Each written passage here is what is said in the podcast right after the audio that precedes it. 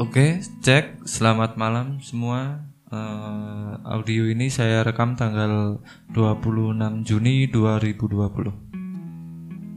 Oke. Eh, koreksi podcast sebelumnya. Eh, di podcast sebelumnya eh, kalimat skrip yang saya tulis mungkin masih terlalu panjang ya, sehingga mm, lebih kedengeran kayak membaca gitu daripada uh, daripada ngomong. Jadi saya kepinginnya itu podcastnya ini kayak ngomong biasa gitu.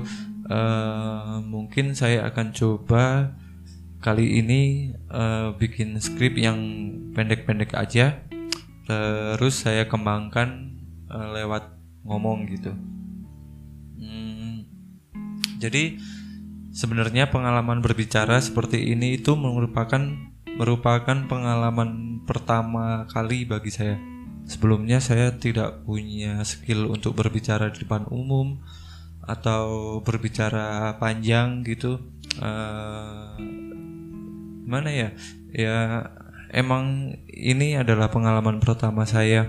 Uh, saya tahu sih sebenarnya saya nggak ada bakat buat hal-hal yang berkaitan dengan bicara kayak gini atau mungkin saya nggak pernah latihan uh, bicara panjang lebar kayak gini apalagi direkam. Tapi uh, rasanya saya ingin coba aja gitu. Uh, kayak menantang diri buat melakukan hal-hal yang baru uh, dulu ada sebuah fakta menarik nih yang pengen saya bagikan. Uh, jadi zaman dulu uh, orang beranggapan bahwa manusia itu tidak akan mampu berlari 10 detik untuk 100 meter. Jadi uh, zaman dulu tuh nggak ada orang yang bisa berlari se sejauh 100 meter hanya dalam waktu 10 detik gitu. Dan nyatanya saat ini banyak orang yang uh, berhasil memecahkan rekor berlari di bawah 10 detik untuk jarak 100 meter bisa di googling aja mungkin contoh-contohnya siapa. Uh, jadi intinya saya anggap uh, hal ini adalah tantangan baru buat saya. Uh, mungkin saya akan lihat nanti progresnya gimana. Saya punya target-target yang inginnya saya lampaui. Oke? Okay? hmm, tema yang ingin saya bicarakan kali ini adalah uh, soal menarik hidup ke belakang. Jadi bagi saya uh, kita yang hari ini adalah siap apa aja uh, apa aja yang udah kita lalui di belakang hari. Jadi uh, kehidupan kita sewaktu kecil, sewaktu remaja, uh, kehidupan kita yang lalu-lalu yang kemudian membentuk kita hari ini gitu.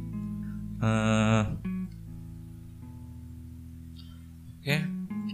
uh, sebenarnya manusia itu sebenarnya adalah makhluk multidimensi ya. Kita bisa melihat diri kita dari faktor mungkin profesi kita saat ini atau uh, kehidupan pribadi kita saat ini gitu. Saya akan persempit pembahasannya mungkin yang berkaitan dengan profesi. Uh, jadi saya saat ini adalah seorang fotografer. Uh, saya berbisnis dan bergelut di dunia fotografi ya. Uh, untuk menjalankan bisnis fotografi di daerah gitu di domisili saya di Temanggung tidaklah semudah membangun bisnis fotografi mungkin uh, di kota-kota yang lebih besar. Jadi uh, keinginan saya untuk menjadi fotografer itu uh, gimana ya? Sebenarnya saya berangkat dari hobi. Jadi uh, dulu saya gimana ya cara ngomongnya? Hmm, uh, jadi gini, uh, dulu waktu kecil sebenarnya saya bukan uh, orang yang udah pegang kamera dari kecil gitu ya. Jadi eh, waktu SMP saya suka apa suka mainin kamera punya inventaris sekolah gitu. Jadi dulu saya aktif di kegiatan sekolah kayak pramuka dan osis gitu. Jadi ada dalam setiap kegiatan akan ada apa ya akan ada siswa yang atau guru yang ditunjuk untuk melakukan dokumentasi. Dan waktu itu dokumentasi yang yang umum uh, itu ya dokumentasi berupa fotografi ya berupa foto gitu. Uh, zaman itu kan uh, kamera aja masih pakai film roll gitu. Uh, beberapa kali saya mainin itu kamera dan hmm, rasanya menarik aja kayak kayak uh, saya tergerak tapi karena karena latar belakang keluarga saya yang uh, mungkin bisa dibilang saya adalah orang pertama dalam keluarga saya yang bekerja dan uh, punya hobi di bidang seni gitu. Eh, keluarga saya nggak ada yang seniman, uh, ada keluarga saya yang bahkan bisa main alat musik gitu. Uh, jadi saya adalah sat satu-satunya mungkin sampai saat ini yang uh, bekerja yang sejak kecil uh, punya minat terhadap seni. Jadi eh, nggak uh, mungkin waktu saya kecil itu nggak mungkin juga saya minta untuk dibelikan kamera atau mungkin uh, di apa ya minta minta dibelikan roll film aja mungkin udah udah nggak masuk akal saat itu. Uh, saya udah bisa tebak uh, reaksi orang tua saya bakalan ya pasti bakalan di, ditolak. Jadi waktu itu ya saya saya lupakan aja. Uh, mungkin kalau ada pinjaman kamera atau uh, atau apa gitu ya saya saya ambil kesempatan untuk main-main kamera. Jadi waktu itu ya masih main-main aja gitu uh, skip sekitar jadi dari momen saya SMP itu sampai kemudian saya dewasa nggak nggak bisa dibilang saya udah aktif fotografi gitu. Udah ya hanya sekedar main-main aja. Terus uh, skip sampai beberapa uh, berpuluh-puluh tahun kemudian mungkin mungkin.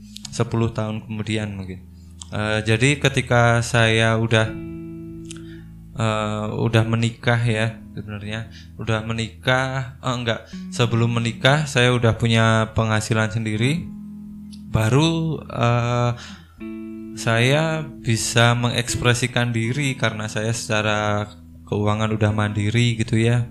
Uh, jadi waktu itu uh, bukan berpenghasilan sendiri juga sih sebenarnya. Uh, intinya saya udah merasa dewasa gitu ya udah udah orang tua udah nggak terlalu meng, mengikat hidup saya udah nggak terlalu hidup ikut campur hidup saya. Baru waktu itu saya bisa lebih intens untuk melatih skill fotografi saya. Uh, ya yang signifikan itu setelah saya menikah. Jadi uh, kam kamera pertama saya uh, saya pakai kamera HP. Waktu itu HP belum canggih-canggih amat seperti saat ini ya. Uh, kamera HP yang masih VGA gitu. Jadi uh, saya motret-motret aja itu pakai kamera VGA motret-motret yang hampir nggak jelas kayak motret uh, sungai, motret bunga, motret rumput apa aja gitu. Tapi uh, saya mencoba dengan HP aja tapi saya praktekkan apa aja tutorial yang bisa saya temukan di website. Waktu itu tutorial memotret dengan HP hampir-hampir belum ada karena emang uh, eh, HP saat itu bukan merupakan sebuah perangkat yang bisa menghasilkan foto bagus gitu. Uh, tentu yang uh, jadi uh, yang sangat memperhatikan saya waktu itu tentu saja istri saya. Uh, waktu itu saya bisa dibilang nganggur, uh, bisa dibilang nggak berpenghasilan jadi malah istri saya yang yang kerja yang punya penghasilan tetap gitu uh, jadi uh, melihat keinginan saya untuk menjadi fotografer itu istri saya merasa apa ya merasa prihatin gitu Uh, sementara saya pun masih ngumpulin duit untuk beli kamera sedapatnya gitu untuk latihan-latihan aja. Uh, dan di saat itu juga uh, istri saya itu waktu ulang tahun saya menghadiahkan saya sebuah apa kamera pocket, kamera pocket. Uh, jadi istri saya menghadiahkan sebuah kamera pocket. Waktu itu Canon A800 yang harganya nggak sampai sejuta. Itu aja dicicil bayarnya. Dan uh, laptop uh, bukan laptop sih sebenarnya netbook netbook yang harganya mungkin nggak nyampe 2 juta itu pun dicicil juga. Jadi dengan dengan uh, device seperti itu ya saya mencoba melatih skill fotografi saya. Dan uh, mungkin pencapaian saya hari ini nggak nggak akan bisa nggak akan pernah bisa lepas dari momen itu. Dari momen di mana istri saya uh, mengorbankan apa mengorbankan kepentingannya gitu untuk untuk memberikan saya hadiah yang sampai saat ini pun artinya besar banget untuk saya. Terima kasih banyak buat istri saya kalau dengar podcast ini. Uh, jadi saya memulai karir fotografi saya itu dengan dengan hanya satu orang di belakang saya. Uh, keluarga saya tentu saja nggak mendukung. Uh, keluarga saya, keluarga istri saya tentu aja nggak mendukung. Uh, jadi keluarga saya nggak punya referensi gimana jadinya kalau kita hidup dari dunia seni? Mau jadi apa? Mau makan dari mana? Karena emang belum pernah ada uh, keluarga kami yang hidup dari seni gitu. Uh, jadi bapak ibu saya emang tipe-tipe orang tua old school gitu yang cenderung demanding ke anak-anaknya. Uh, kamu harus ini sebaiknya jadi itu. Dan gimana ya? Uh, fotografi itu terlalu saya cintai waktu itu. Bahkan bahkan hanya istri saya yang melihat itu. Emang luar biasa istri saya ini saya malah jadi jadi lupa semuanya ini. Jadi lupa mau ngomong apa lagi. Yang jelas uh, momen ulang tahun itu di mana istri saya ngasih kado itu momen yang everlasting lah yang yang akan uh, yang yang hingga saat ini membentuk saya. Akhirnya uh, waktu berjalan saya mulai melatih skill fotografi saya saya memberanikan diri dengan uh, alat yang seadanya banget itu ikut sebuah komunitas. Jadi komunitas waktu dulu komunitas fotografi itu adanya ya komunitas nasional. Uh, kalimat eh kalimat uh, komunitas fotografi di daerah-daerah itu ya mungkin ada mungkin mungkin saya yang nggak tahu tapi saya gabungnya di komunitas nasional yang mana komunitas itu ada websitenya. Jadi saya belum belum berani untuk ikut hunting langsung di lapangan. Uh, minder ya karena alatnya kayak gitu.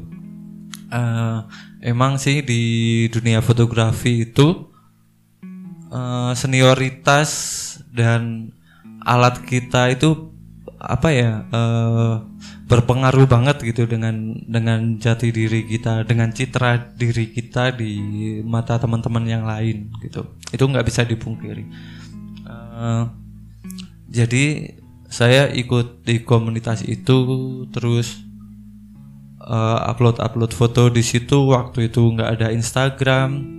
Jadi ya saya banyak menimba ilmu dari situ saya kenal dengan fotografer-fotografer nasional yang sudah senior, belajar banyak ilmu, bahkan kamera DSLR saya yang pertama itu dikasih sama salah satu member komunitas tersebut. Uh, jadi ada zaman dulu itu fotografer sangat fotografer terutama yang udah udah di level atas itu sangat care dengan junior juniornya jadi ada yang sampai memperhatikan saya sampai saya diberi sebuah kamera DSLR gitu dengan gratis dan itu dikasih. Uh, waktu itu kamera yang diberi ke saya adalah Canon 450D yang waktu itu harganya mungkin masih sekitar uh, bisa 4 jutaan gitu kalau sekarang sih ya udah udah mungkin barangnya juga udah nggak ada ya mungkin ya.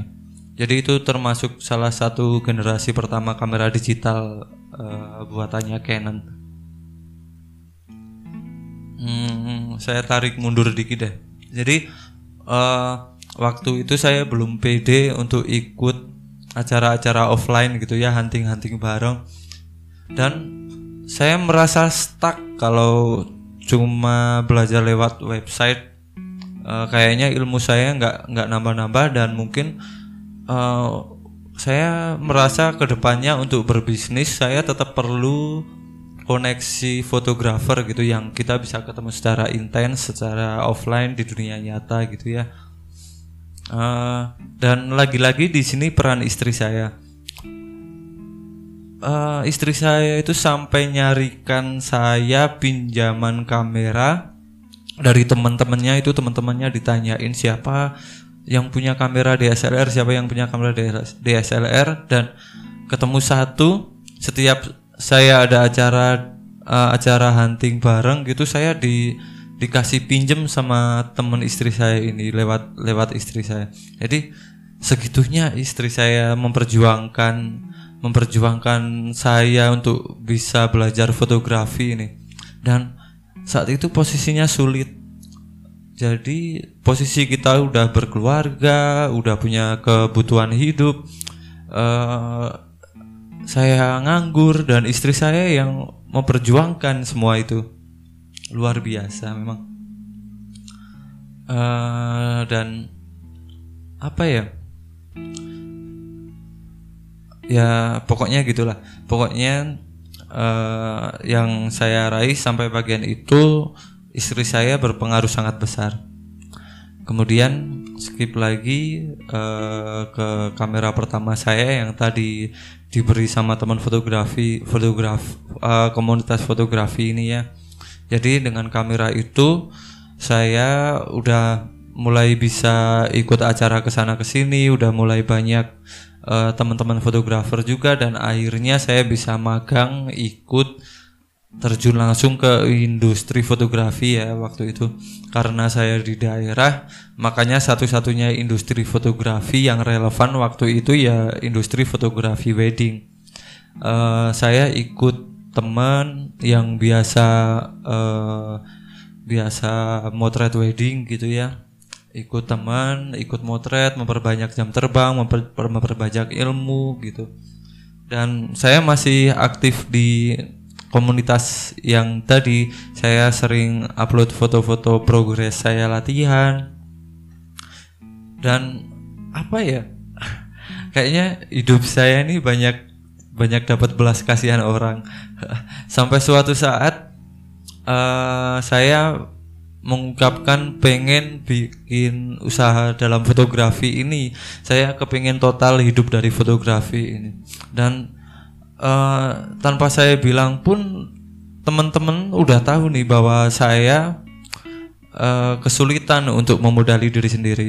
Sampai suatu ketika ada teman komunitas saya yang uh, punya usaha importir lighting fotografi gitu di Surabaya tiba-tiba dia ngirimin uh, lighting foto ini. Dia tiba-tiba dia apa ya uh, tiba-tiba dia uh, ngasih diskon ke saya. Itu pun saya tetap nggak mampu buat bayarnya. Jadi saya bilang ke istri uh, saya ingin saya pengen uh, saya pengen hidup di dari fotografi ini tapi uh, yang bisa kita masuki ya fotografi wedding. Dan itu kan butuh modal gitu ya butuh butuh kita harus beli perlengkapan yang memadai untuk bisnis ini. Dan itu pun saya nggak punya spesial pun uang. Uh, waktu itu saya memang udah udah beberapa kali ikut lomba dan beberapa kali jadi kontributor uh, kontributor koran-koran lokal gitu ya. Cuma uangnya kecil sekali dan itu pun nggak nggak cukup buat nabung buat beli beli-beli aksesoris fotografi lain yang memenuhi syarat untuk uh, kita terjun di bisnis foto wedding gitu ya.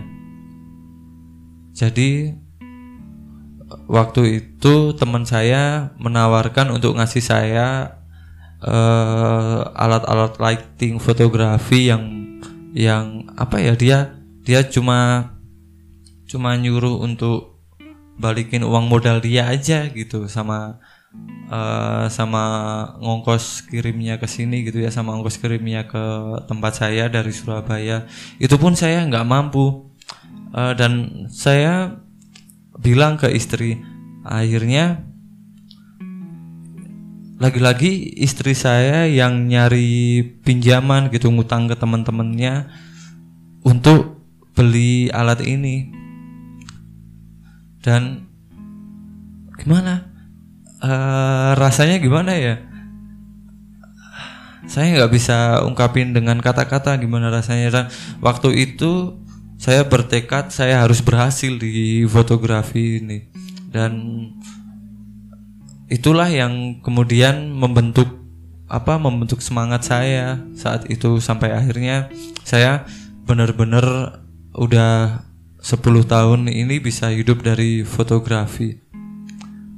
Dan terima kasih banyak buat istri saya uh, jadi bisa disimpulkan saya berjuang di fotografi berjuang untuk nyari nafkah di fotografi ini dengan modal belas kasihan istri saya dan teman-teman saya. Luar biasa memang. Uh, intinya gini ya ketika uh, saat ini ketika saat ini saya saya kehilangan semangat, saya kehilangan apa? Kehilangan gairah untuk apa? Uh, kehilangan gairah waktu kerja gitu. Yang saya ingat adalah perjuangan istri saya ini dan saya berjanji untuk istri saya untuk bisa sukses di fotografi ini. Uh, menurut saya gitu. Jadi dalam hidup ini sesekali ada momen untuk kita, untuk penting bagi kita menarik hidup ke belakang. Uh, momen di mana ketika kita kehilangan semangat, ketika kehilangan visi, kita mengingat-ingat lagi momen-momen apa aja yang hmm, yang udah membentuk kita ke sampai hari ini. Dan bagi saya istri saya yang berperan sangat besar dalam kehidupan saya. Oke, berapa menit? Wow, rekor. Ini rekor. Sebenarnya saya mengharap video ini cuma 15 menitan gitu, ternyata udah 25 menit, uh, hampir 25 menit. Uh, sebenarnya belum keseluruhan ya, mungkin uh, biar podcast ini gak kehabisan bahan juga saya sampai di sini aja dulu. Uh, simak terus podcast-podcast ini nantinya akan saya sambung lagi. Oke, terima kasih sudah mendengarkan.